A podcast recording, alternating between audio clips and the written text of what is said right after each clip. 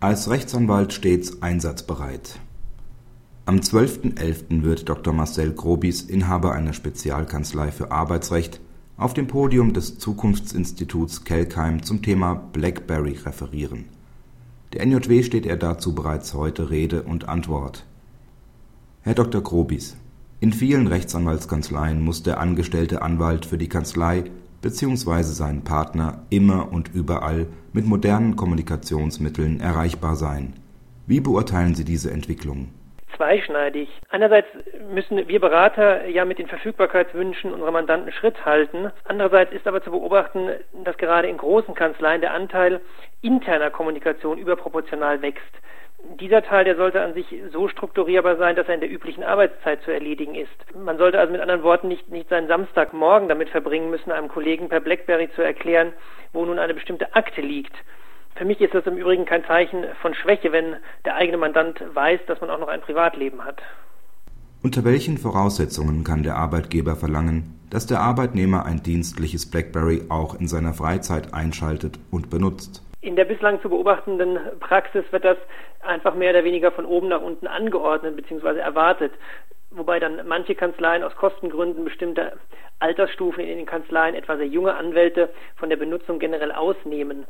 An sich bedürfte aber eine entsprechende Anordnung einer vertraglichen Regelung. In der Anwaltsbranche wird es damit allerdings nicht so genau genommen.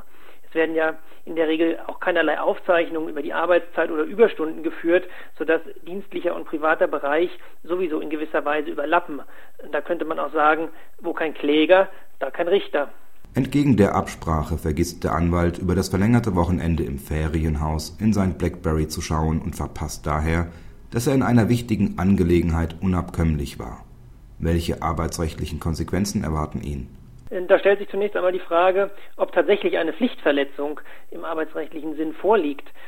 Denn selbst wenn sich ein Arbeitnehmer bereit erklärt, das Gerät ständig mitzuführen, äh, kann man äh, immer noch nicht eine 24-stündige Dienstbereitschaft an sieben Tagen in der Woche erwarten. Das wäre ja letztlich ein Verkauf der eigenen Person, also so etwas wie Sklaverei und eindeutig sittenwidrig. Somit kann man letztlich nur im Einzelfall entscheiden, ob der Betroffene bei verständiger Würdigung aller Umstände die Nachricht hätte wahrnehmen müssen. Ein BlackBerry dokumentiert Arbeitsabläufe und geheime Daten aus dem Mandatsverhältnis.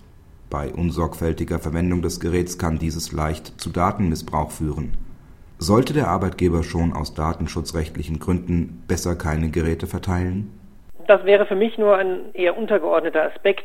Man kann ja genauso gut mit, mit Akten unsorgfältig sein, zum Beispiel eine Handakte auf dem Tisch liegen lassen, in der Lobby im Hotel oder bei Gericht vergessen oder ähnliches oder den Aktenkoffer irgendwo verlieren für mich stehen eher Fragen der sinnvollen Arbeitseinteilung, der eigenen Anwaltsphilosophie und auch vertragsrechtliche Themen bei der Nutzung des BlackBerry im Vordergrund. Vielen Dank für dieses Interview, Herr Dr. Grobis.